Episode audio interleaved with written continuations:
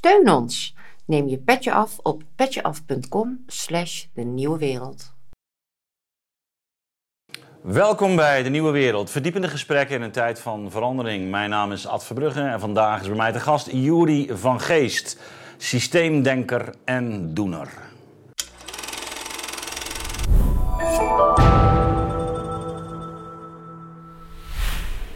Juri, hartelijk welkom.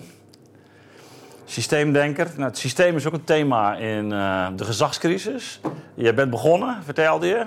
Goede Ja. eerste indruk al? Ja, zeer positief. Eh, ja, ik hou van meer hè, holistische, systemische analyses van eh, problemen. En nou, ja, dit ziet er eh, op dit moment veelbelovend uit. Ik ben kijken met, eh, met, met veel plezier naar het vervolg. eh, ja. Ja, ja. nou, daar gaan we het zijn de tijd nog over hebben. Ja. Ehm, eh, wa- wat in ieder geval ook voorbij komt, is de, onze verhouding tot eh, het systeem. En eh, zelfs ChatGPT eh, komt, duikt al even op in de, in de tekst, eh, wanneer ik eh, de periode twintiger jaren beschrijf. Eh, ook, en de, de, de, de ingrijpende gebeurtenissen, maar ook eigenlijk de angst die begint te ontstaan over het systeem dat we gebouwd hebben. Nou, daar hebben we het vorige keer over gehad. Ehm, misschien toch even om, om weer eh, up-to-date te zijn, bij de tijd. Eh, ik heb begrepen dat Elon Musk eh, een, een, ook zijn versie heeft na- naar buiten gebracht. Wa- wa- wat is er gaande? Wat, wat, wat is dat voor iets wat, wat Musk doet?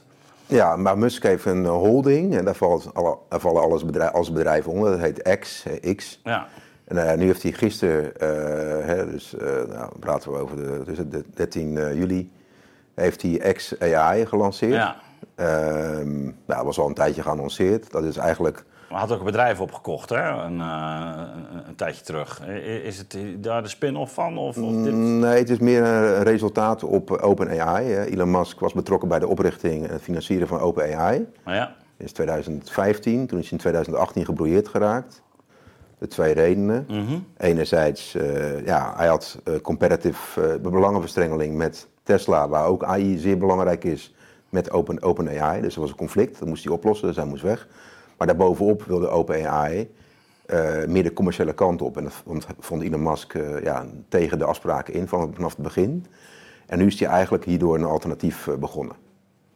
Nou, wat, wat, wat houdt het concreet in? Klink, klinkt dat, is dat echt zo idealistisch zoals, zoals het nu klinkt? Nou, ik denk dat het beide is. Kijk, aan de ene kant moest hij weg vanwege het belangenconflict met Tesla AI, met OpenAI. Maar eh, ja, hij heeft wel idealisme. Hè, dat zie je Ja. ook bij Twitter. En hij wil gewoon ja, een soort neutrale, objectieve positie. Freedom of speech vindt hij heel belangrijk. Ehm, maar ik denk dat het ook commercieel eh, ja, een goede stap is voor hem. Maar hij heeft toch een tijd terug eh, een, een, bedrijf opgekocht ook. Wat bezig was met de ontwikkeling van AI. Ehm, Dat, dat werd in ieder geval wel gezegd dat dat mogelijk ook een van de redenen was waarom hij ook rond dat moratorium eh, zo'n rol speelde. Maar, nou, dat is, me even niet bekend. Maar heb ik iets gemist. Kan. maar, maar goed, dit, dit heeft hij nu op de markt eh, Mhm. eh, gezet. Wa- wa- wat is het voor iets? Nou, ja, dat is, dat is onduidelijk. eh, hè. Ah, je, hebt al, je hebt er al even naar gekeken. Nou, het, het- is aangekondigd, zeg maar. maar Ja, het, is, het, het is een, een, een alternatief voor de, de bestaande AI-oplossingen. Mhm. Hij wil zeg maar understanding reality, dus het, het- het begrijpen van het universum. Mhm. Nou, dat is natuurlijk heel breed. Eh, daarvoor heeft hij dingen gezegd dat hij een meer neutrale, Understanding reality. ja, dus weer, denk wetenschappelijk, meer op bewustzijnsniveau, het verbinden van mensheid, nou, het beantwoorden van de grote vragen, waar komen we vandaan, wie zijn we, waar gaan we naartoe, nou, dus wat is de nature of wat is de oorsprong van de, het universum, de oor- hoe, kunnen we de, de realiteit ervaren, nou, dat, dat snap ik, want dat houdt hem al heel lang bezig, vanaf zijn negende, dat kun je in alle interviews zien. Maar ik denk dat er ook eh, een rol speelt, heeft hij daarvoor al gezegd, dat hij wil een meer neutrale kijk op eh, informatie. Dus niet gekleurd politiek, Ja. niet, minder, minder censuur, minder kleuring. Eh, nou, daar is ook wel iets voor te zeggen. Dus niet links of rechts, maar gewoon midden. Nou, ik denk dat dat wel een rol speelt ook. Maar wat ik veel belangrijker vind, is meer wat ik vermoed, hè, wat erachter zit. Dat vermoed ik. Hij heeft heel veel bedrijven. Nou, Ja. Als je die combineert, heb je een hele sterke concurrent qua AI. Hij heeft Twitter. Hij heeft Tesla. Hij heeft een enorme AI-component, datacomponent. Enorm. Ja. Eh, je, hebt Star, je hebt SpaceX met Starlink. Dat is alle satellietinformatie. Ja, het is gigantisch natuurlijk. Ja, dus dat komt bij een trend van de AI. Ik denk om, om, om eh, GPT of LLM's echter te maken, meer eh, grounded, meer echt. Ja. Dus minder hallucinerend, minder fouten, Ja. meer feiten. Is het noodzakelijk om eh, AI te koppelen aan de fysieke werkelijkheid. ja, dus meer geaard. Precies. Dus als je de data van satellieten en van zelfrijdende auto's of auto's van Tesla. Ga je meer die werkelijkheid in? Ja, dus dat maakt het minder hallucinerend. En dat is, Ja. dat is het battlefield van de komende twee jaar. De winnende LLM, of laten we zeggen de, de, de GPT-oplossingen, chatbots, zijn degene die de koppelingen gaan maken met de fysieke werkelijkheid. Internet of Things in het jargon. En die stap zal ook Google maken, want die heeft ook Waymo voor self-driving cars. En dat gaat ook eh, OpenAI doen, want die gaat samenwerken met robots, eh, X1. Dus robots worden belangrijker voor AI, het voeden van AI. Eh, zelfrijdende auto's, satellieten, smartwatches, hoe je het noemen wilt. Dus we gaan naar een heel ander Maar ja, je, je kan ook zeggen, het is gewoon een volgende stap in het, in het inlijven van heel die fysieke wereld in, in, in dat grote artificiële algoritme. Ook. Dus er zitten enorme Er vraagstukken zit aan. ook iets imperialistisch Security. in natuurlijk. Ja, imperialistisch, privacy, security. eh, te veel macht bij één partij. Ja. Maar deze partijen gaan tot het maximale. En dit, dit spel, dus Google, Alphabet, OpenAI, Microsoft en X1, het Elon Musk, Ja, want die zijn, die zijn, alle drie hiermee bezig. Alle die zijn alle drie nu... eh, Tesla heeft ook robots, hè? humanoid robots. Ja. Die, die, gaan, die gaan echt wel impact hebben op, op de economie en de samenleving. Dat is niet ver weg. Eh, dat praat je over een paar jaar al, hè, de komende jaren. Eh, dus de vraag is even wat de wetgeving gaat toestaan in deze. Want die komt in een hele moeilijke spagaat. Aan de ene kant wil de wetgever, net nationaal, EU, et cetera, Ja. wil minder fouten. Dat zien we nu letterlijk ook in de eh, E- EU AI Act. Daar gaan we het zo nog over hebben. Je wil minder fouten hebben, terecht. Dus dat pleit, pleit voor het integreren van fysieke Ja. apparaten. Maar aan de andere kant wil de wetgeving niet te, niet te veel macht bij enkele partijen. Dus er komt in een hele interessante dynamiek terecht nu. Eh, van die nieuwe dingen die nu op de markt zijn verschenen. De, de- daar heb jij waarschijnlijk al het een en ander van, eh, van uitgetest. Is er, zijn er nog dingen opgevallen? Nou, als we even de diepte ingaan, je hebt natuurlijk eh, OpenAI, ChatGPT, GPT-4. Ja, ja daar, daar, daar zijn we begonnen Ja. in oktober vorig jaar. Precies. Ja. Je, hebt, je hebt nu ook sinds gisteren BART, hè, de van Google, Alphabet. Ja. En je hebt Claude, dat is een start-up, die werkt nou samen met Google. Eh, dat is van Ant- Anthropic. Eh, Claude 2 is gisteren gelanceerd. En je hebt Bing. eh, Bing van Microsoft, die natuurlijk samenwerkt met ChatGPT en OpenAI. Oké. Nou, die zijn met elkaar vergeleken. onder andere door de Volkskrant, Laurens Verhagen, een van Mhm. de, de betere experts maar, op dit gebied. Maar ook ja, in technologie in het algemeen. En dat blijkt dus heel duidelijk uit, ook uit meerdere onderzoeken trouwens, dat ChatGPT, OpenAI, op dit moment beter is dan, dan BART. Op bijna alle vlakken wel. Eh, maar ook beter dan, dan Claude. Eh, dus eh, Anthropic. Ja, ook van Google. Toch wel een prestatie, hè? Als je het En ook beter dan Bing, ja. De- ik bedoel, dat betekent dus dat die oude, de gevestigde partijen... dat die niet in staat waren om, om iets te leveren van een vergelijkbare kwaliteit. Nou ja, ik denk dat het met name te maken het maakt trouwens een fout, want Bing heeft natuurlijk te maken met ChatGPT, maar ik bedoel, je moet ChatGPT vergelijken met Claude, Ja. Anthropic en met, met, met Bart. Nou ja, Google heeft blijkbaar toch een aantal technologische innovaties niet geïncorporeerd, ehm, die OpenAI al heeft. Ja, en dat, dus ze maken nu gewoon te veel fouten. Ze geven gewoon te veel verkeerde informatie. Ja. Dus de En, vraag is, en, en van Musk weten we het nog niet. nou, de vraag is wel even hoe dit, hoe dit blijft. Want kijk, Google is ook bezig met een heel groot alternatief voor ChatGPT. Gemini. Mhm. Waar, dat acht ik heel veel kansen toe. Dat is eigenlijk- Gemini. Ja, dat is een nieuw, nieuw initiatief. Dat wordt eind, volgend, nou ja, eind dit jaar, begin of eerste kwartaal volgend jaar gelanceerd. Daarbij maken ze gebruik van DeepMind. Dus reinforcement learning van AlphaGo, AlphaGo, Mhm. Ja, AlphaZero. ja. En Van die, die, het, het beste Go-speler ter wereld Precies. verslagen. Ja, ja, ja. dat- Zes jaar geleden ongeveer, eh, vijf jaar. Eh, dus dat is één. DeepMind combineerde ze met Google Brain. Die heeft de Transformer technologie gelanceerd. Of eh, uitgevonden in 2017. Dus waar ChatGPT gebruik van maakt. Heeft Google verzonnen, Google Brain. Die gaan nu samenwerken onder de leiding van de CEO van DeepMind. Ja, die heb ik heel hoog zitten. Ja. Hassebis. Eh, ja, en die komen dus met een product waarbij je dus reinforcement learning combineert met transformer technologie. Ja, dat is interessant. Dat kan denk ik wel een gamechanger worden. Boven ChatGPT. ja, maar we dachten dat Chat eh, GPT al een gamechanger werd, hè? Eh, Toch? Nou, dat is, het- is het ook Dat gebleken, laten we eerlijk zijn. Eh, Ja. nee, ja, je- Maar, maar het komt in de versnelling. ja, en het houdt voorlopig ook niet op. Want als je technologisch kijkt, Microsoft Research, dus eigenlijk weer OpenAI, heeft vorige week een paper gelanceerd, een wetenschappelijk paper, waarbij de token size, oftewel de hoeveelheid informatie die je kunt verwerken met zo'n chatbot, die kunnen ze vergroten van 32.000 tekens naar 1, bil- 1 miljard tekens. Dat is een gigantische vooruitgang. Had ik zelf niet aanzien komen. En ze gaan zelfs naar 1 biljoen teken, tokens, tekens toe. Dus ja, dus, dus de, laten we even zeggen, de capaciteit, de performance, de kracht van samenvatten, Ja. analyseren, zal radicaal gaan toenemen de komende jaren. Ja. Dus Ja. voorlopig is het nog, zit het nog aan het begin van de. Van de, hè, de, de, Hey, nou, nou, nou ehm, eh, is er de laatste jaren heel veel ehm, eh, eh, sprake van, van belang van, van data-analyse. Eh, maar je ziet ook dat eh, talloze studenten ook eh, opleiding volgen in die richting. Data-analysten, denk ik, een, een van de beroepen die in een enorm tempo is opgekomen. Is, het, is dat ook een beroep wat in een enorm tempo gaat verdwijnen? Ja en nee. Dat geldt voor heel veel beroepen want- trouwens. Nee, nee maar, maar, bedoel, maar dit is natuurlijk bij uitstek, je zou zeggen, zo'n data-analyse ook iets, iets wat je door die kunstmatige intelligentie vrij goed kunt laten doen, denk ik. Ja, ook het programmeren zelf. Ja. Hè, er zijn ook weer enorme stappen geweest de afgelopen maanden, eh, sinds ons laatste gesprek. Ehm, dus ja, ik denk dat heel veel van die banen zullen verdwijnen. Of je moet supergoed zijn en dan werk je ermee. Ja, want dan, kijk, de beste zullen overal overeind Ja. blijven. Waarom? Die kunnen de, de valkuilen van die systemen Ja. doorzien op detailniveau, technisch niveau. Ja. En dan dus eh, ja, zorgvuldige menselijke meerwaarde bieden ten aanzien van het systeem.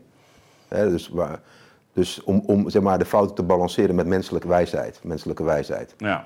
Dus daar zal heel erg op, op gestuurd worden van wat is wijsheid, ethiek, et cetera, Ja. technisch systeem. Ja, dat is ook een belangrijk thema in mijn boek. Dus, Ja, eh, wat het zal betreft, overal veel eh, belangrijker ja. worden. Ehm, laten we dan eh, toch... Het is evident dat dit een enorm eh, weerslag zal hebben op de manier waarop wij samenleven. Hoe onze economie wordt, wordt ingericht. Hoe en wat, weten we nog niet. Maar ik, merk het in het onderwijs natuurlijk ook. Eh, allerlei gesprekken gaande. We moeten dingen veranderen. Omdat eh, nou ja, di- dit gegeven nu eenmaal eh, er is. Daar ontkom je niet meer aan. Ehm, maar dat, dat, dat heeft natuurlijk een, een weerslag op, op wat, we- wat we doen. En ook, ook binnen het onderwijs wat we allemaal kunnen doen. Er is wetgeving. Ja. Er is net binnen de EU is er het een en ander tot stand gekomen. Kun je er eens iets over vertellen? Ja. Ehm, nou, de EU, het is een voorstel. Het wordt eind dit jaar eh, eh, goed, definitief goedgekeurd, ja of nee? Dus dat is één, dus een voorstel. Twee, waar kijken ze naar? Nou ja, het, het, het, het, eh, het beschermen van kinderen of kwetsbare groepen. Eh, ze kijken naar eh, nou ja, welke systemen zijn het meest kritisch qua AI en hoe kunnen we dat aan de voorkant en tijdens veilig krijgen. Oftewel politie, onderwijs, eh, rechtspraak, eh, nou, alles wat te maken heeft met auto's, vliegtuigen, medische toepassingen. eh, nou, kinderen heb ik al genoemd. Daar, kijk, daar moet je dus aan de voorkant heel duidelijk maken hoe werkt het algoritme. Aha. En hoe heb, je het, hoe, hoe heb je het veilig gemaakt? Hè, wat heb je eraan gedaan? En dan, dus dat, aan de voorkant komt er een check. En dat is heel goed, vind ik. En ook tijdens de implementatie wordt het in de gaten gehouden. Hè, dat, dat, dat er geen rare dingen gaan gebeuren. Dus dat zijn denk ik eh, goede ontwikkelingen. En qua systeem, hè, dus die LLM's, dus die GPT-oplossingen, ja, moet je altijd kenbaar maken wanneer content door AI gecreëerd is. Dat is verplicht. Maar dat, Dat vind ik eh, positief. Dus Ja, ja maar hoe, hoe, hoe werkt dat? Dat zit dan in de, in de code of zo? Of wat, wat, wat? Ja, ik denk dat het on- onduidelijk is. Dat is nog niet bekend. Oké, maar, dat, is, zich- dat is wel de bedoeling. Dat, Ja, dat, dat, maar- dus, eh, dat je het hoe dan ook ziet. Ja, maar de vraag is even of je dat niet kunt hacken. Hè? Dat, dat, Ja. heel goed. En manipuleren met Ja. remixen van ou- outputs en noem maar op. Maar Precies. ik denk dat dat heel gecompliceerd is, maar ik vind de richting goed. De uitwerking weet ik zelf ook nog niet. Maar er zijn wel oplossingen voor door de eh, producenten van die eh, AI-systemen. Die zijn ook mee, hè, digital wa- watermarking, noem maar op. Zijn er mee bezig. Het tweede is dat eh, die, deze ja, chatbots moeten kenbaar maken of ze gebruik maken van copyrighted eh, content als input voor hun, systeem. En ze moeten ook het model uitleggen hoe het model eh, ja, veiligheidsmaatregelen heeft genomen om het veilig te krijgen om illegale content, eh, ille- illegale, illegale, inhoud, illegale inhoud te verbieden. Kinderporno, et cetera. Of aanzetten tot geweld, nou, dat soort zaken. Dus, of discriminatie. Dus dat, dat zijn denk ik hele goede zaken. Ja. Dus ik, en ik denk zelfs, kijk, in essentie waar het om gaat is veiligheid, maar vooral openheid en transparantie over je systeem. Aan de voorkant, tijdens en achteraf. Ik ben daar voorstander van. Ik denk dat de EU daar een goede stap neemt, in vergelijking met Amerika en China zeker. Want ze verbieden ook hè, social scoring, dus het social rating systeem is verboden in de EU met AI. En ze verbieden ook, ben ik even vergeten, ze- verbieden ook facial identification. Dus je kunt niet zomaar met, ja, eh, En- biometrische identificatie doen met AI. Hoe, hoe houden we dat in de gaten? Dat is, is- dus is, wordt dat zelf ook eh, on- on- online zeg maar, op het net gewoon geprogrammeerd? Dat, dat we gewoon zien dat die activiteiten niet plaatsvinden binnen Europa? Hoe, hoe wordt het gecontroleerd? Hoe handhaven we die? eh? Nou ja, kijk, social rate, eh, credit scores, dat is denk ik vrij duidelijk. Want als iemand dat Ja. ja. doet, dan wordt het op een gegeven moment denk ik wel kenbaar of duidelijk. Eh, Face ID is denk ik wat lastiger, eh, biometrische identificatie. Dus het herkennen van mensen met, eh, ja, met camera's en AI. Ja, ja, ik vind dat lastig te beantwoorden. Maar het feit dat dit wetgeving zou, zou kunnen gaan worden, vind ik heel positief. Want het maakt Europa een soort ja, privacy... Eigen ruimte, Ja, eigen ruimte. soort- ja, gewoon, ik vind dat ja, Een eigen digitaal op menselijk niveau universum. Ja. heeft EU op lange termijn een concurrentievoordeel, denk ik. ja. Dat gewoon ook slimme mensen uit Amerika en vooral uit China, denk ik, dan toch voor een deel naar deze kant toe ko- opkomen. Omdat het gewoon hier prettiger eh, leven is, in bepaalde Ja. opzichten wellicht. Ja, ja. Nee, maar dat is natuurlijk altijd de vraag van hoe, hoe handhaaf je zoiets, hè? En ehm, in de film The Matrix had je ze die, die, die, als je die agents, Ja. hè, maar je, dat, dat zijn eigenlijk ook Ja. een soort eh, kleine digitale, hè, maar eh, iets in die Nou, trant zal toch moeten worden. Je- wat, je, wat, je, wat ik denk verwacht, ik weet ook niet alle antwoorden, het is allemaal nog vrij nieuw. ja, Ik verwacht persoonlijk een AI-AI-wedloop. Dus ik ben consument, ik, zal- ik zal mijn eigen eh, AI eh, Ja. hebben, om, te, om andere AI's te identificeren. Ja, dat zal niet altijd lukken, maar in veel gevallen kan je dat wel eh, toepassen, denk ik. Ja, ook gewoon door, door ja, je hoopt natuurlijk dat mensen lekken als, als dit, dit tegen de wet wel gebeurt. Hè, dus de, de klokkenluiders, die zullen denk ik ook wel een belangrijke rol maar, maar je denkt nog niet dat er sp- sprake is van een digitale opsporing. Dat, dat, dat, de, dat, het, dat er als het ware een soort digitale agenten komen die... eh, Net- net als virusscanners, hè? eh, Zeg maar een beetje- dat, die dat, trant, dat, dat hè? zou kunnen. Dat speelt nu al bij cybersecurity. Hè? Dus Ja. die, die, deze oorlog, zeg maar. AI versus AI, die elkaar lopen. Ja. aan- Dus defensief, offensief en ander- aan- die kant op. Dus dat zou kunnen, maar ik denk niet dat je daarmee alles oplost. Dus eh, ik denk dat het een combinatie van maatregelen zal zijn. Ja, maar wel bijzonder in ieder geval dat, dat Europa zo een eigen eh, koers gaat varen daarin. ja, dat vind ik heel positief. Wie, wie, zijn de voortrekkers eh, op dat gebied? Hoe, Qua partijen of ja, mensen? Hoe komt het dat, dat, dat Europa dit zo doet? Nou, dat heeft te maken met de historie. Ik weet niet wie de, wie de individuen zijn, maar ik denk dat het te maken heeft met de, de culturele identiteit van Europa. Ja, dit past heel erg in het verleden van Europa.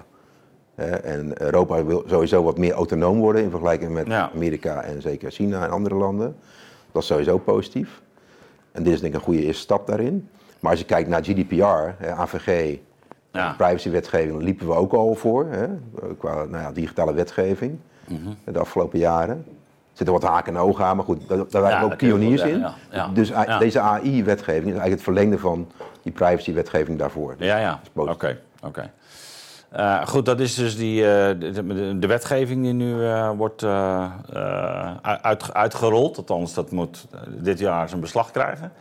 Ehm, ja, ondertussen gebeurt natuurlijk economisch ook het een en ander. Ik heb ook al lijstjes voorbij zien komen. Welke beroepen er mogelijk meer bedreigd worden dan andere. I- Is er nou al iets bekend over, over de effecten van die ChatGPT? Ik, ik, merk het dus zelf nogmaals in mijn onderwijspraktijk. Hè. Op de universiteit is het echt wel, eh, in, ieder geval in de, de faculteit waar ik zit, eh, een gesprek van de dag. Hè. Omdat wij ja, toch bang zijn dat studenten allerlei dingen niet meer goed leren, omdat ze te veel gaan terugvallen op, eh, op chat. Maar ja, dan weet je dus ook, al- allerlei economische activiteiten kunnen, kunnen door de, de slimme toepassingen van, van, van, van, van die AI worden eh, overgenomen. Eh, dus, dus, maar is er, is er al iets van bekend? Zien, we- zien we daar al iets van? Nou, we zien case studies, eh, Ja. met name ook van multinationals, maar ook van ja, grotere MKB-bedrijven wereldwijd, ook in, in Nederland. En nou, de, de, de- En wat houdt het in? Case studies? nou, wat, wat, wat, wat voorbeelden, wat Ja. individuele bedrijven, zeg maar. Dat is heel, heel fascinerend. Je ziet ongeveer dat de productiviteit kan 50% tot 200% stijgen. Afhankelijk van de, de soort branche, ja. Ja, een departement. Hè. Dus of marketing, sales, support, eh, Ja. naar HR, finance, naar legal. En dat was wel al vanaf het begin bekend. Dat, dat viel mijzelf ook op toen ik het aan het testen was afgelopen half jaar. Dus dat betekent dus, dit, is echt een Ja. enorme verschuiving qua economie en economische structuur. Ja, het, het kost je vrijwel niets. Ja, werkgelegenheid. Dus de vraag is even, ja, eh, je kunt dus, nou ja, ik heb laatst bij de raad van bestuur van een bank, eh, heb ik net verteld, Ja. eh, advies gegeven. En die schrokken ook van die cijfers van, oké, ja, je kunt dus de helft van je personeel theoretisch ja, ergens anders neerzetten. Ja, of je gaat je, je, Of op straat zetten. ja, precies. Of je behoudt ze Ja. en je maakt ze productief. Je gaat meer innoveren of meer marketing doen, et cetera. Dat is even de kernvraag. Nou, je ziet nou ook case studies in Amerika bijvoorbeeld, dat ja, als mensen te snel me- mensen ontslaan, om ze te vervangen met GPT, AI dus, dan komt er dus weerstand. Hè? Dan worden ze echt Mhm. Ja. pushback. Ja, je moet stapje voor stapje doen. Ja, en, ja precies. Ja, wellicht. Ja. Goed. Maar even, dus de getallen zijn, hè, Goldman Sachs, 300 miljoen werklozen door AI. Nou, dat is al een tijdje geleden. We- Wereldwijd. Ja, dus 300 valt- miljoen. Nou, het valt wel mee. Ik denk dat het, mee. denk dat Ja. veel meer wordt. Maar goed, dat is mijn persoonlijke analyse van de cijfers die ik zie en de, de case studies, dus examples van bedrijven. Ehm, ja, ik denk dat we naar. Nou, kijk bijvoorbeeld naar Hollywood nu, wat nu speelt. Hè. Ja, er is net, net een staking uh, Ja, gaande. En dit is een van de thema's, hè? Ja, dus ehm, nou, de, de, de acteurs en actrices zijn in Hollywood eh, in rep en roer. Ja. Want ze zijn bang dat, dat hun ja, werk kan worden vervangen door AI. ja. Nou, Denk aan Harrison Ford en Indiana Jones. Hè, die dus veel jonger is gemaakt, maar dan speelt hij nog wel een rol. Maar op een gegeven moment, als je genoeg data hebt van een persoon, Nou, heb je die persoon meer nodig. films, kan je gewoon die persoon weer inzetten in een nieuwe film. Ja. Zonder dat die persoon gaat spelen. Dus het heeft een enorme impact op werkgelegenheid in creatieve entertainmentsectoren.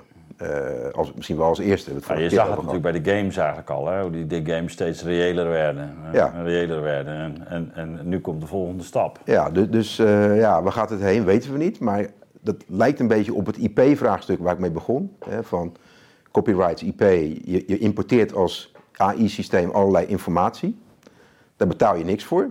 Soms ook paywall-informatie. Dus, be- eh, dus, een, dus een, eh, laten we zeggen, een krant met een betaalmuur. De Bart gaat er gewoon doorheen. Dat is gewoon illegaal. Dat is nu al ook al een rechtszaak gaande. Oké. Ook met, ook met open, OpenAI. Ja. Nou ja, die acteurs zeggen dus in Hollywood van ja, je kunt niet zomaar mijn content importeren in, in jouw AI-systeem en een nieuwe film produceren. Want ik, ik heb copyrights op mezelf, bij wijze van spreken. Nou, daar zit wel een kern van waarheid in. Dus je krijgt een hele interessante dynamiek nu. eh, dat, ja, eh, dit is natuurlijk high profile, Hollywood, eh, alle topacteurs. Ja, maar er is ook, er is ook, een, een- ook al een rechtszaak aangespannen door schrijvers. Ja, ook. Maar ook door consumenten. Ja. Want consumenten posten dingen in fora eh, of social media. En die willen niet zeg maar, dat het gewoon eh gescreept of gejat wordt als input als, voor allerlei AI-systemen. Zonder dat ze betaald worden. Of hun privacy in het geding komt. Gevoelige informatie. Dit, dit raakt iedereen. Absoluut. Fascinerend. Absoluut. En we weten niet wat, wat de rechtspraak gaat eh, zeggen. Jurisprudentie. We weten het niet. Ja, wat, Ik, denk, ik, ik vermoed dat we naar een soort oplossing gaan van, eh, nou ja, permission-based. Je moet toestemming vragen aan de vooraf. Dus niet zomaar even achteraf vergi- vergiffenis vragen. Vergiffenis. Dat is één. En dat gewoon alle partijen beter betaald zullen worden in de toekomst, verwacht ik ook. En dat, nou ja, wat je nu al ziet, een Twitter schermt gewoon informatie af. Interessant, dus Elon Musk. Voor andere AI-systemen. Dat was daarvoor niet. Dus je ziet nu al, het wordt ook een, eh, een concurrentiespel. Dus wat je afschermt, wat je openstelt. Komt wetgeving bij, privacy, security. eh, mensen willen geld verdienen en terecht voor hun eigen content. Ik denk dat het meer in balans zal komen, maar ook dat meer afgeschermd zal worden. En dat je overal meer toestemming voor moet gaan vragen. En terecht. Dat, dat is denk ik de uitkomst. ja, want dit, dit speelt dan in Amerika. Hè, dus, Maar ook eh, hier. eh, ook eh, hier. Het speelt ook hier. Maar, maar goed, die acteurs als Hollywood, hè, dus die, die, die in actie komen. Ehm, ja, dat is één branche die natuurlijk de, het, Ja. het, het zwaard van Damocles boven zich eh ziet. Ja. Ehm, en nu zal AI dat niet in één, klap helemaal verdringen, maar je ziet wel natuurlijk de mogelijkheid om, Ja. dat, dat, dat daar allerlei zaken eigenlijk worden gebruikt. eh, en, en, en, en dat het ook veel goedkoper wordt om te gaan draaien met AI in plaats van eh, Ja. hè, met dat je alles moet optuigen. Dus, dus de, Ja. de hele business kan erdoor eh, veranderen. Nou zag je natuurlijk wel al bij, bij films dat, dat, dat, die, dat die mengeling plaatsvond. Hè, hè, ook met, met die gebruik van green screens en zo. Dus je kan zeggen, ook hier is het eigenlijk weer de, de logische volgende stap dat, stap dat die mensen, dat die acteur bijna overbodig eh, wordt. Hè? Ja, Dus er zit een soort logica in, in hoe die film zich heeft ontwikkeld. Waarin je zegt, ja, nou ja, volgende moment is die mens kan eruit. Dat is, dat is natuurlijk sowieso, denk ik, een, een, een hele fascinerende ontwikkeling. Dat, dat op allerlei punten eigenlijk de mens een soort... ja. eh, eh, Ja. Ja, nou, jij brengt een belangrijk punt eh, in. Eh, afgelopen maand waren er twee belangrijke interviews qua AI. Althans, vind ik, die ik gezien heb. Eén is Mark Andreessen met Lex Fridman. eh een van de belangrijkste visies. Het tweede is Erik Weinstein. Ja. Voor mij vorige week ergens. ehm, bij een podcast. En beide zeggen van ja, het economische systeem, het kapitalistische systeem staat ter discussie. ja. Door AI. Op langere termijn. Waarom? Nou ja, wat is het economisch systeem? Je hebt arbeid en je hebt kapitaal. En je hebt dan eh, grond en technologie. Maar technologie eh, heeft een enorme impact op kapitaalaccumulatie, maar vooral het vervangen van arbeid, labor. ja. Als eh, kerncomponenten, onderdelen van een kapitalistisch systeem. Dus dat systeem staat ter discussie. Er komt veel werkloosheid aan. Kunnen we dat opvangen? Moet je een basisinkomen ja of nee gaan aanbieden om de boel te stabiliseren? Hoe gaan mensen dan nog zinvol een leven inrichten? Wat is hun Ja, purpose? ja, ab- absoluut. Ja, daar hebben we hele grote al aan vraagstukken geraakt. Ik, ik, kijk, ehm, tot dusver kun je zeggen dat bij iedere technische innovatie men eh, eh, bang was voor het verlies van werkgelegenheid. Dus, dus eh, hè, de- de- dat, begon al in de, in de 18e eeuw. En de, de zijn er sowieso niet in, Ja. in meegegaan. Ja. Die hebben Deels gewoon vastgehouden aan koetsjes. Ehm, die leven nog steeds op die manier. Wij, wij hebben natuurlijk die modernisering ehm, zowel aangejaagd in, in, in Europa, eh, hè, maar we, we zien ook dat die mondiaal nu natuurlijk eh, gewoon is aangeslagen. En dat, dat we ook niet anders meer kunnen dan, dan meegaan. Want je kunt ook niet zeggen, nou we doen het nu niet, Ja. want dan gaat China gewoon verder. Dus, dus eh, we, we zitten hier met z'n allen in. Ja, tegelijkertijd kun je zeggen, ja, al die doemscenario's, in het verleden is er ook niks van, van uitgekomen. Hè, zou, het, zou het deze keer inderdaad echt anders kunnen zijn? Nou ja, we hebben het er ook al eerder over gehad met elkaar. Het is natuurlijk wel een ander soort technologie. Denk ik wel, wel, tot dusver werd techniek altijd eh, bij ons toch bediend en gebruikt. En, en nu, nu zit je op het niveau dat de sturing zelf wordt overgenomen. Hè? Dat de machine zelf kan, kan sturen en dat Ja. wij eigenlijk moeten gaan meedraaien. Ja. Eh, net, net, ik, ik vind dat dat beeld van de zelfrijdende auto of Ja. de TomTom in combinatie met die zelfrijdende auto eigenlijk, eigenlijk, eigenlijk een heel, heel adequaat. Van ja, willen die auto's eh, rijden, dan heb je eigenlijk alleen nog maar mensen nodig die erin gaan zitten, weet je wel. Eh, dat is het enige. En, maar voor de rest kan het hele systeem draaien. Ja. Dus, dus, dus die, mensen, die, die mens die wordt op een bepaalde manier overbodig om te sturen. Eh, althans, heel veel mensen worden overbodig om te sturen. Ja, nou ja, de vraag is even, wat gaan die mensen doen? Komt er nieuw werk Ja. in de plaats? Ik denk het wel. Ja. Dat is een historisch patroon. Ja, daarom, dat is, dat is een. Maar, maar dan, dan zou het een soort van tijdelijk overgangsfenomeen zijn. Dat, dat zou kunnen. Ik denk wel dat het nu iets anders is. Het is, het is hetzelfde als vroeger en anders Ja. tegelijkertijd. Het is hetzelfde dat, in die zin dat er over nieuwe ruimte komt voor nieuwe banen. Dus Ja. de werklozen kunnen weer nieuwe banen vinden voor een groot deel. Niet allemaal. wat zou het moeten Maar- zijn dan, Maar, hè? maar het verschil is denk ik dat de impact hiervan qua schaal, scope en nou ja, diepte en impact vele malen groter is dan alle- voorgaande technologische revoluties. Daar ben ik wel van overtuigd. Ja. Daar hebben we het vorige keer over gehad. Ja. Dus we zitten wel met een uitdaging van hoe stabiliseren we dan die, e- die samenleving en die economie. Ik denk een basisinkomen, als je AI nu volledig omarmt, wereldwijd, kan iedereen een basisinkomen krijgen van 13.500 dollar. Eh, Ze heeft Sam Altman berekend een tijdje geleden. Dus denk dat, dat we die kant wel opgaan. En dan in stapjes natuurlijk per land of per stad en dan per land en regio. Dus om de boel te stabiliseren. Maar ik denk wel dat we ja, toch wel eh, Nou ja, maar goed, dan, dan moet je ook voldoende huizen hebben. Ik bedoel, eh, geld alleen is natuurlijk niet de oplossing. Precies. Want je kan zeggen, dan is er een mega-inflatie op het moment dat er te veel Ja. is. Ja, precies. Dan lost het ook niks op. Dus, Precies. dus, dus je hebt dan, hè, dan is het alleen maar prijsverhogend.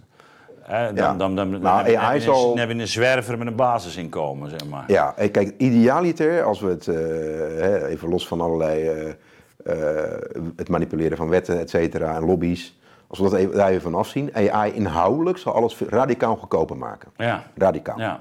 ja. Dus als we Ja, AI arbeidskosten snijden weg. nou ja, dit, zeg ik al 13 jaar ook bij Financieel Dagblad destijds. Maar Je kunt de zorg in Nederland, laten we zeggen 100 miljard, dan kun je een kwart tot de helft van eh, reduceren. Als je gewoon minder overheid hebt, minder mensen, meer AI, minder bureaucratie. Ja. Eh, nou, dat, dat, dat heeft ook Edith, Edith Schippers destijds eh, bekrachtigd, heel later. Dus datzelfde geldt voor onderwijs. Ja, dat kan ik, ik, radicaal ik wil even terug, terug nog, dat is dat is wel interessant wat je noemt. Hè. We hebben die verschillende sectoren, we kunnen ze dadelijk ook nog Mhm. Ja. even noemen. Maar je zegt bijvoorbeeld gezondheidszorg. Ja, Nou, heb ik eh, een tijdje geleden met, een- met een specialist eh, eh, geluncht en eh, ook, ook deze vraag opgeworpen van, nou, Ja. wat denk je, nou, maakt zich totaal geen zorgen. Ik zei, nou ja, Nee. eh, joh, je hebt die expertprogramma's. Ik bedoel, Ja. je kunt toch voor- heel goed voorstellen dat, eh, zowel voor het stellen van diagnose, maar misschien ook van operaties, dat je op een gegeven moment eigenlijk veel, veel minder eh, specialisten nodig hebt dan, eh, dan op dit moment het geval is. ja. De- de- Kijk jij er ook zo naar? Ja, maar is dat, je hebt, al, je hebt de Da- Vinci-robot voor chirurgie al heel lang, al bijna tien jaar. Dus Mhm. eh, het is gewoon robotchirurgie. eh, dat zal alleen maar toenemen. Dus je hebt gewoon minder artsen nodig. Dat is één. Eh, maar ja, met name aan de diagnosekant zie ik enorme, Ja. op huisartsniveau, maar ook dokterniveau, het diagnosticeren van ziektes. Dat kan je gewoon veel beter met AI doen. Bij melanoom of nou, bepaalde andere zaken. En kanker ook, of zelfs hersenziektes. Nou, analyseren van be- beelden van eh, het brein. Dus, nee, dus ik denk dat het, in het begin zal AI zeg maar, samenwerken met de arts. Nou, maar ja, die zal steeds meer ruimte op, over, gaan, over gaan nemen van die arts. Ja, die op een gegeven moment zegt hij, je kan wel meer patiënten. Dat betekent dat je één chirurg minder nodig hebt. Ja, Of, maar ik eh, denk ook, dat dus even een andere invalshoek die ik heel belangrijk vind. Kijk, je ziet nu GPT-enabled startups ontstaan. Die denken heel anders. mhm. Die denken horizontaal in plaats van verticaal. Dat betekent, als een zorgstartup nu eh, wordt gelanceerd, dan is er veel minder bureaucratie en eh, silo's, hè, dus eh Ja, ja. kokering, Mhm. dan wat, wat nu mogelijk wordt. Dus je kunt veel goedkopere ziekenhuizen creëren die GPT-enabled zijn. Eh, als ze veilig zijn, niet hallucineren, dat zeg ik er even bij. Ja. Dat, dat- die kant gaan we natuurlijk op. Ja, en dan krijg je dus hele andere businessmodellen en kostenstructuren. Het is gewoon veel goedkoper, radicaal goedkoper. Laat ik de jeugdzorg pakken. Dat is een mooi voorbeeld waar ik me ook wel een tijdje aan stoor. Dan zie je eigenlijk feitelijk dat een enorme fragmentatie plaatsvindt. Van allerlei belangen en eh, Ja. privaat, publiek. Het is gefragmenteerd in een rommeltje. Die patiënt wordt daar helemaal gek van, die jongen. Ja. Als je dat vanuit, vanuit het niets opnieuw gaat inrichten met AI, ja, dan ben je gewoon 50 tot 75 procent goedkoper uit. Je hebt gewoon veel minder mensen nodig, veel meer AI. AI-processen, AI-gedreven processen in plaats van die fragmentatie een kastje naar de muur sturen de tijd. Weet je, dus het kan, het kan radicaal sneller en beter. Maar, maar dan zeg je, dan, is het, eh, dan zou het het zoutzuur door de bureaucratie ook kunnen zijn. Absoluut, absoluut. En dat zit dus, dit is nu aan de hand. Dat vind ik dat machtsspel tussen Ja. AI en allerlei incumbents, dus bestaande belangen, en vooral carrières, et cetera, en mensen. Ja, die strijd, dat gaat helemaal loskomen nu. Denk aan Hollywood, maar dat ga je overal zien. Ja. Nou, ik ben natuurlijk een voorstander van werkgelegenheid voor mensen, maar ja, ik ben ook een voorstander van goedkopere publieke diensten. Misschien nog wel meer dan dat. ja. Nou ja, als het de, de bureaucratie eh, eh, stevig kan eh, hervormen, dan eh, heb ik ook de bank, moeite dat is het bankenvoorbeeld, hè? Ja. grote bank in Nederland. Nou, al in, ons, in mijn boek Exponential Organizations, tien jaar geleden, zei- zeiden we al, de helft van de bankprocessen, intern en extern, kun je automatiseren. Nu is de conclusie ook, van de basis van het gesprek, denk ik 75% binnen een bank. Nou, die zegt letterlijk van ja, we hebben gewoon echt wel een, een, een uitdaging qua werkgelegenheid. Hoe kunnen, hoe kunnen we dat verkopen extern en intern? Als we AI volledig gaan Ja. eh, overnemen. Dus, Ja, ze zitten nu ook met heel erg met die compliance hè? eh, bij de banken. Er zijn heel veel mensen aangenomen die eh, allemaal moeten kijken of. Precies, ja. en en die, die, die, de levenswandel van mensen moeten nagaan en dat, dat soort. Ja, precies. Know your customer. precies. Eh, maar dat, dat, dat ga je ook allemaal uitbesteden. Dus. Of dat wordt. Dat wordt, dat wordt eh, Dat wordt meer AI-driven. Ik denk niet volledig AI-driven. Nee, maar dat kun, je, dat kun je tien keer zo snel doen. Dan. Ja, ja, ja. En dan, dan krijg je een paar probleemfiguren en die moet je misschien menselijk eh, gaan bestuderen. ja, maar je zit er ook met de, in de EU dan, je, dat is een beetje een double- double-edged sword, maar privacy-wetgeving. dus, de, dus ja, maar die kant gaat het wel op, ja. Dat is wel de verwachting. Ja, want je ziet Kijk, dat... als je, als je een bunk vergelijkt, Ja. of een andere eh, nieuwe bank, met een klassieke bank, ja, die zijn natuurlijk veel meer AI-driven. Veel Ja. goedkoper daardoor. Ja, ja. Ja, dus, dus, dus ehm, we hebben dat vorige keer ook al genoemd. Hè? Dus die, die verschillende sectoren. Jij zei toen ook, nou, je kunt best een loodgieter, die hoeft niet zoveel te vrezen. Maar eh, we, zien, we zien juist in de, bij, de, bij de creatievelingen, bij de mensen die hoger opgeleid zijn, Ja. daar een, enorme eh, ja. Nou, ik heb een analyse gemaakt komst. van eh, waar, waar de impact de groot, het grootste zal zijn. Eh, toevallig twee weken geleden. Met Michiel Schuurman. En nou, de, kijk, het zijn alle in, informatie-intensieve intensieve sectoren worden het meeste geraakt. Mhm. Welke zijn dat? Ten, te beginnen media zelf, ja. creatieve culturele sector, entertainment, de overheid zelf, onderwijs, zorg, maar ook eh, politie voor een deel en ja, finance uiteraard. hè, dus eh, retail ook wel een beetje, is ook wel informatie-intensief. Laten we zeggen, alle informatie, waar informatie dominant is in de bedrijfsvoering, daar ga je de grootste impact zien. En alles wat te maken heeft met atomen, dus goederen, daar zal het ook groot zijn, maar, maar wel een stuk minder dan die sectoren die ik zojuist genoemd heb. Oké. Dus een loodgiet inderdaad, fysieke arbeid, Ja. atomenindustrie. eh, Ja, maar je, je kan natuurlijk ook zeggen, nee, neem nou onderwijs. En dat is natuurlijk al langer eh, geïnterpreteerd in termen van, van, van informatieoverdracht. Maar je ziet natuurlijk ook dat, dat onderwijs ook een hele sociale functie heeft. Dat het onderwijs ook iets te maken heeft met eh, eh, het- creëren van een groepsgevoel, met binding, Ja. met, met gezagsverhoudingen, leren werken eh, met eh ondergezagsverhoudingen. Ehm, het, inspireren van mensen. Eh, nou ja, eigenlijk allemaal factoren die je uit de machine wel wat minder makkelijk kan halen. Eens. Eens. Dus de, maar dat, dat, dat laat onverlet dat AI bepaalde taken van een docent kan overnemen. Ja. Het personaliseren, vorige keer over gehad, eh, gigatutor en eh, nou, open lecture, noem maar op. Dus het personaliseren van, eh, laten we zeggen, feitelijke informatie, of rekenen, wiskunde, dat kan AI veel beter doen.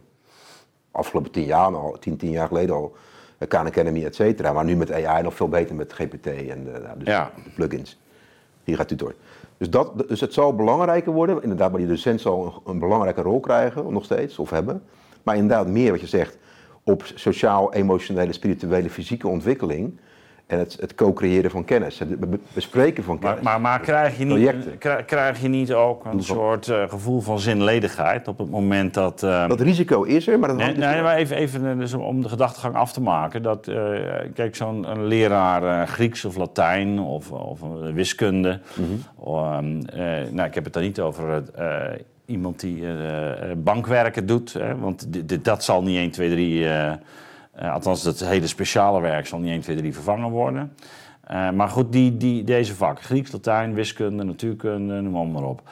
Ehm, een deel van die charme is eh, dat je een leraar hebt die dat, die, de- die, de- die dat op een manier brengt die helder en duidelijk is, maar ook die enthousiasmerend is, hè, of inspirerend is. Hè? Eh, en, en waarbij je ziet van helemaal wat gaaf om dit te weten, te kunnen. En te, dat wil ik ook, weet je wel. Dus het is Ja. heel het, eigenlijk het, ja, de leraar ook als een voorbeeld. Iemand die tot de verbeelding spreekt. Eh, dan kan je, en je kan natuurlijk zeggen, dat, dat zien we al met heel de opkomst van, eh, van YouTube en eh, eh, de, de, de hele, ja, sowieso de, de, de netwerkstructuur. eh, dat, dat heel veel eh, jongeren nu ja, meer in de ban zijn van hun mobieltje. Eh, of van eh, TikTok. eh, dan dat ze, en, als ze iets willen weten, kunnen ze het opzoeken. En, en, en krijgen ze het nog eens op een interessantere manier gepresenteerd dan van hun eigen leraar. Dus, dus de vraag van, goh, wat voor zin heeft het eigenlijk om te kunnen differentiëren, te integreren, een tekst van Plato te kunnen vertalen. Dus wat voor de verleiding om te denken, nou ja, weet je, we kiezen gewoon voor de weg van de minste weerstand. Eh, AI levert het mij. En, en, die leraar, ja, eigenlijk ieder ervan. Dus, dat bedoel ik met de zin, waarom zou ik nog iets leren wanneer de computer het ook kan doen, nog beter kan doen, mooier kan doen? Eh, eh, dat, dat, dat gegeven. Ja, dus, dus, dus helemaal- allemaal, eens wat je zegt. Eh, Kijk, de oplossing is denk ik dat... eh, ehm, ja, humans are best at being human, AI does the rest. Ja, Dat geldt ook hier. Dus dat betekent, wij moeten onze menselijke unie- unieke kwaliteiten ten aanzien van technologie aanscherpen. Dus dan praat je over wijsheid, Eh, Ja. Samen dingen discussiëren, co-creëren, dingen maken in de klas. Eh, emotionele intelligentie, sociale intelligentie, spirituele intelligentie. Dus dat betekent, die leraar, spirituele intelligentie, die, die- als, je, als je echt in je passie leeft als leraar, Mhm. Dan geven we dat energetisch door aan, aan die groep. Daar Zeker. ben ik van overtuigd. Ja. Ik zelf ook ervaren. Zeker. Dat maakt heel veel uit qua motivatie, Absoluut. eh, Absoluut. passie. eh, eh, Ja, maar daar hoort ook wel bij dat je iets kunt. Hè? Dus eh, Precies, maar- in, maar- in termen van gezag zeg ik dan wel recht van spreken en met verstand van zaken. En Ja. dat verstand moet wel relevant worden geacht door degene die. die, die en die moet ook die kick krijgen dat hij zo kan differentiëren. Of dat hij zo zo'n tekst, of dat hij dat gedicht kan, kan oplezen. Of, Ja. Nou ja, Maar, maar dan komen we bij bepaalde beleidslijnen, hè, daar heb ik het vaak met jou over gehad. De vraag is, kijk, de, de docent zal, de school zal verantwoordelijk zijn om bepaalde technologie buiten de deur te houden. Dat zie je nu met Ja. mobiele telefoons, dat zal met AI ook gebeuren, denk ik, op een gegeven moment. Soms wordt het toegelaten, soms niet, dat verwacht ik. Nou, we- de docent en de, de ouders natuurlijk ook, maar ook de maatschappij, maar de school ook als geheel, is verantwoordelijk om de grenzen aan te geven van, eh, ja, wat, wat, wat, wat laten we toe van AI en niet. Maar de docent is uiteindelijk, verantwoordelijk voor, door, door zeg maar, zijn eigen meerwaarde aan te tonen ten aanzien van het systeem. Dus die moet naar die zaken toe die ik zojuist heb genoemd. je zou eigenlijk de, de, de, de beste eh, of getalenteerde mensen zouden eigenlijk nog in dat onderwijs terecht moeten komen. bedoel, die, die echt iets. iets- Ja, ik ben een groot voorstander, zoals je weet, van Ja. het Finlandse model. Hè, eh, waar je dus eh, academisch geschoolde leraren hebt die veel meer Ja. waardering krijgen, respect, autoriteit en ook geld. Ja. En ook ruimte. Ja, ja, salaris is niet eens veel hoger hoor. Daar. Dat is sterker nog, lager dan bij ons. Oké, maar ze hebben in ieder geval meer, ruimte, hebben- meer autoriteit en Ze hebben, waardering. ja, ze hebben meer gezag. Ja. Dus die kant moeten we op. Maar ook gewoon meer, meer, meer achtergrond. Meer achtergrond, zijn beter geschoold. Ja. Maar goed, ik denk dat we die kant ook opgaan in Nederland op een gegeven moment. Want ja, je zult je wel moeten kunnen, kunnen onderscheiden als docent ten aanzien van het systeem, AI-systeem. Ja. Ja. Dus het gaat veel meer wat je zegt om, niet om cognitieve aspecten van een docent. Maar, maar om, om de integrale mens. Ja, absoluut. Maar dat geldt voor alle vakken. Ja. Ook als jij een CFO bent of een CEO of een, of, of een marketingpersoon. Iedere, iedere professional moet veel holistischer worden, veel systemischer worden. Want de inhoud wordt minder belangrijk. Die blijft natuurlijk wel belangrijk, vooral wijsheid en ervaring, maar ook Ja. intuïtie. Maar vooral je emotionele, sociale, relationele, spirituele, fysieke componenten, competenties, die worden veel belangrijker in elk vak. Ja, ja. ja, en de vraag is natuurlijk hoe je die ontwikkelt. Wanneer eh, die, die meer kundige vorm eigenlijk in toenemende mate wordt uitbesteed aan machines. Want je kan zeggen, ja, juist eh, wanneer je bijvoorbeeld die wiskunde echt onder de knie krijgt, of, of je Grieks, of je Latijn, of je Duits, of je natuurkunde. Dan, daar zit ook natuurlijk eh, iets in van een eh, zeg maar geestelijke ja, ontwikkeling of ordening. Hè, dat je in staat bent om een bepaald soort discipline je eigen te maken in je, in je denken. Dus, dus, dus ehm, nou ja, wat je zegt, ik denk inderdaad ook dat eh, het, het onderwijs op bepaalde onderdelen echt, net zoals nu gebeurt, gelukkig met de telefoon, dat ze ook met dit soort eh, ja, eigenlijk eh, AI-systemen toch ook voorzichtig moeten zijn. Ab- is- absoluut. Want we hebben het vorige keer over gehad, de cognitieve amputatie kan, Ja. of cognitieve verrijking kan, of verrijk, ver- ja, aug- augmentatie kan tot cognitieve Ja. amputatie leiden. Dat geldt natuurlijk hier ook voor. Maar ik denk dat het wel interessant is. Kijk, wat kan een AI niet goed als het weinig data heeft? Vooralsnog. Nou, dus wat ik verwacht per vak, dat studenten en leerlingen veel meer gaan kijken wat zijn nou de, de randsverschijnselen, wat nog wat minder bekend is, wat minder data over bekend is.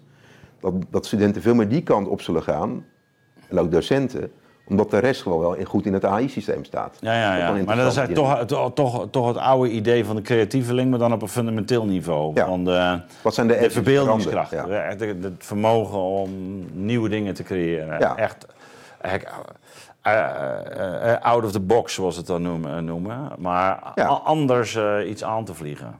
Ja, Ja. vanuit, dus, dus, dus wetende wat de valkuilen zijn en de beperkingen van, van het AI-systeem. En van daaruit het onderwijs in gaan richten. Ja. Vanuit de menselijke meerwaarde. Dat is echt een hoofdvraag, ook voor, trouwens voor de verkiezingen. Maar Ja, nou ja, dan, dan komen we denk ik bij een mooi eh, afsluitend eh, onderwerp. Hè. Het kabinet is eh, gevallen en ehm, eh, waarschijnlijk het najaar, ergens in het najaar verkiezingen. 22 november, ja. Ja, dus ehm, eh, hoe, ehm, hoe sta jij daarin, ook in relatie tot dit onderwerp? Nou ja, ik zie het eh, als een kans. Hè. We hebben, de oude garde is weg. Ja. Laten we zeggen, voor het eerst compleet, dus uniek, historisch. Ook wel teken aan de wand, denk ik. Ja, Met alle plussen en minnen, maar ik denk Ja. dat het wel, zie het met name als een kans. Ik vind het tijd echt voor een nieuwe generatie. Mhm. Want die zitten toch anders in de, in de wedstrijd, laten we- laten we zeggen, dan de oudere generaties. Veel meer open voor AI en, en, en nieuwe waardesystemen en nou goed, nieuwe, nieuwe, nieuwe idealen denk ik ook wel. AI zou een van de belangrijkste speerpunten moeten zijn tijdens de verkiezingen. Hoop ik ook. Via de En wat, wat, voor, wat, voor vragen zouden dan de Nou ja, politici hele- zich daar moeten stellen? Dus hele fundamentele vragen. En daar ga ik zelf een bijdrage leveren met alle andere mensen. Maar in Nederland, eh komende maanden, en eh, over publiceren. Kijk, AI heeft impact op politiek, het systeem, op democratie, op de rechtsstaat, de rechtspraak, op Ja. het kapitalisme, op het neoliberalisme, wat natuurlijk veel te Ja. ver doorgeslagen is. Nou, dat zie jouw boek ook. AI heeft overal grote impact op. Daar moet een visiedocument komen, laten we zeggen een paar pagina's, wat wordt gedragen of als input kan fungeren voor de, voor de, ja, voor de kabinetsformatie eh, na november. Dit is een unieke kans dat wij daarin gaan pionieren in Europa. Nederland bedoel je? Ja, ja, Ja. ja. dus, dus binnen Europa, maar ook in de wereld. Als we, dit, als we dit als een van de eerste goed oppakken. En dat kan. We hebben de kennis hier in huis, met z'n allen in Nederland. Laten we nou deze kans pakken om AI dan centraal te stellen. Qua kansen ja, voor het land. Maar, maar ook qua begrenzing dus. ja, zegt Maar- van... maar- ja, eh, precies, want die kennis is aanwezig. ja. Eh, dus laten we die kans met z'n allen pakken. ja, maar op, op, vooralsnog hoor je er niet veel over, Juri. Nee, maar dan gaan we wat doen. Ja. dus dit, dit, dit is, dit is al gaande. Dus, dus dit komt eraan. Goed, eh, heel benieuwd. La- Laten we eh, deze gesprekken nog eh, vaker voeren de komende tijd. Hè? Ook, ook met het oog op die verkiezingen. Ja. Want ik denk inderdaad dat we wel voor een, eh, een aardverschuiving staan. Daar ben ik wel met je eens. Ja, En eh, dat we daar ook op een hele fundamentele manier over moeten nadenken. Dus, Ja. nou, dat doe jij. Dus fijn dat je er weer was vandaag. bedankt. Beste kijker, als je dit filmpje ziet, houd je kennelijk van de lange en verdiepende gesprekken van de nieuwe wereld. Wil je meer van onze video's zien? Klik dan op de afbeelding hier links. Of beter nog, abonneer je op ons kanaal. Je kunt ons natuurlijk ook steunen en daar zijn wij zeer op aangewezen. Klik dan op de afbeelding rechtsboven in beeld of ga naar de beschrijving hieronder voor meer informatie. Ik dank jullie bij voorbaat van harte.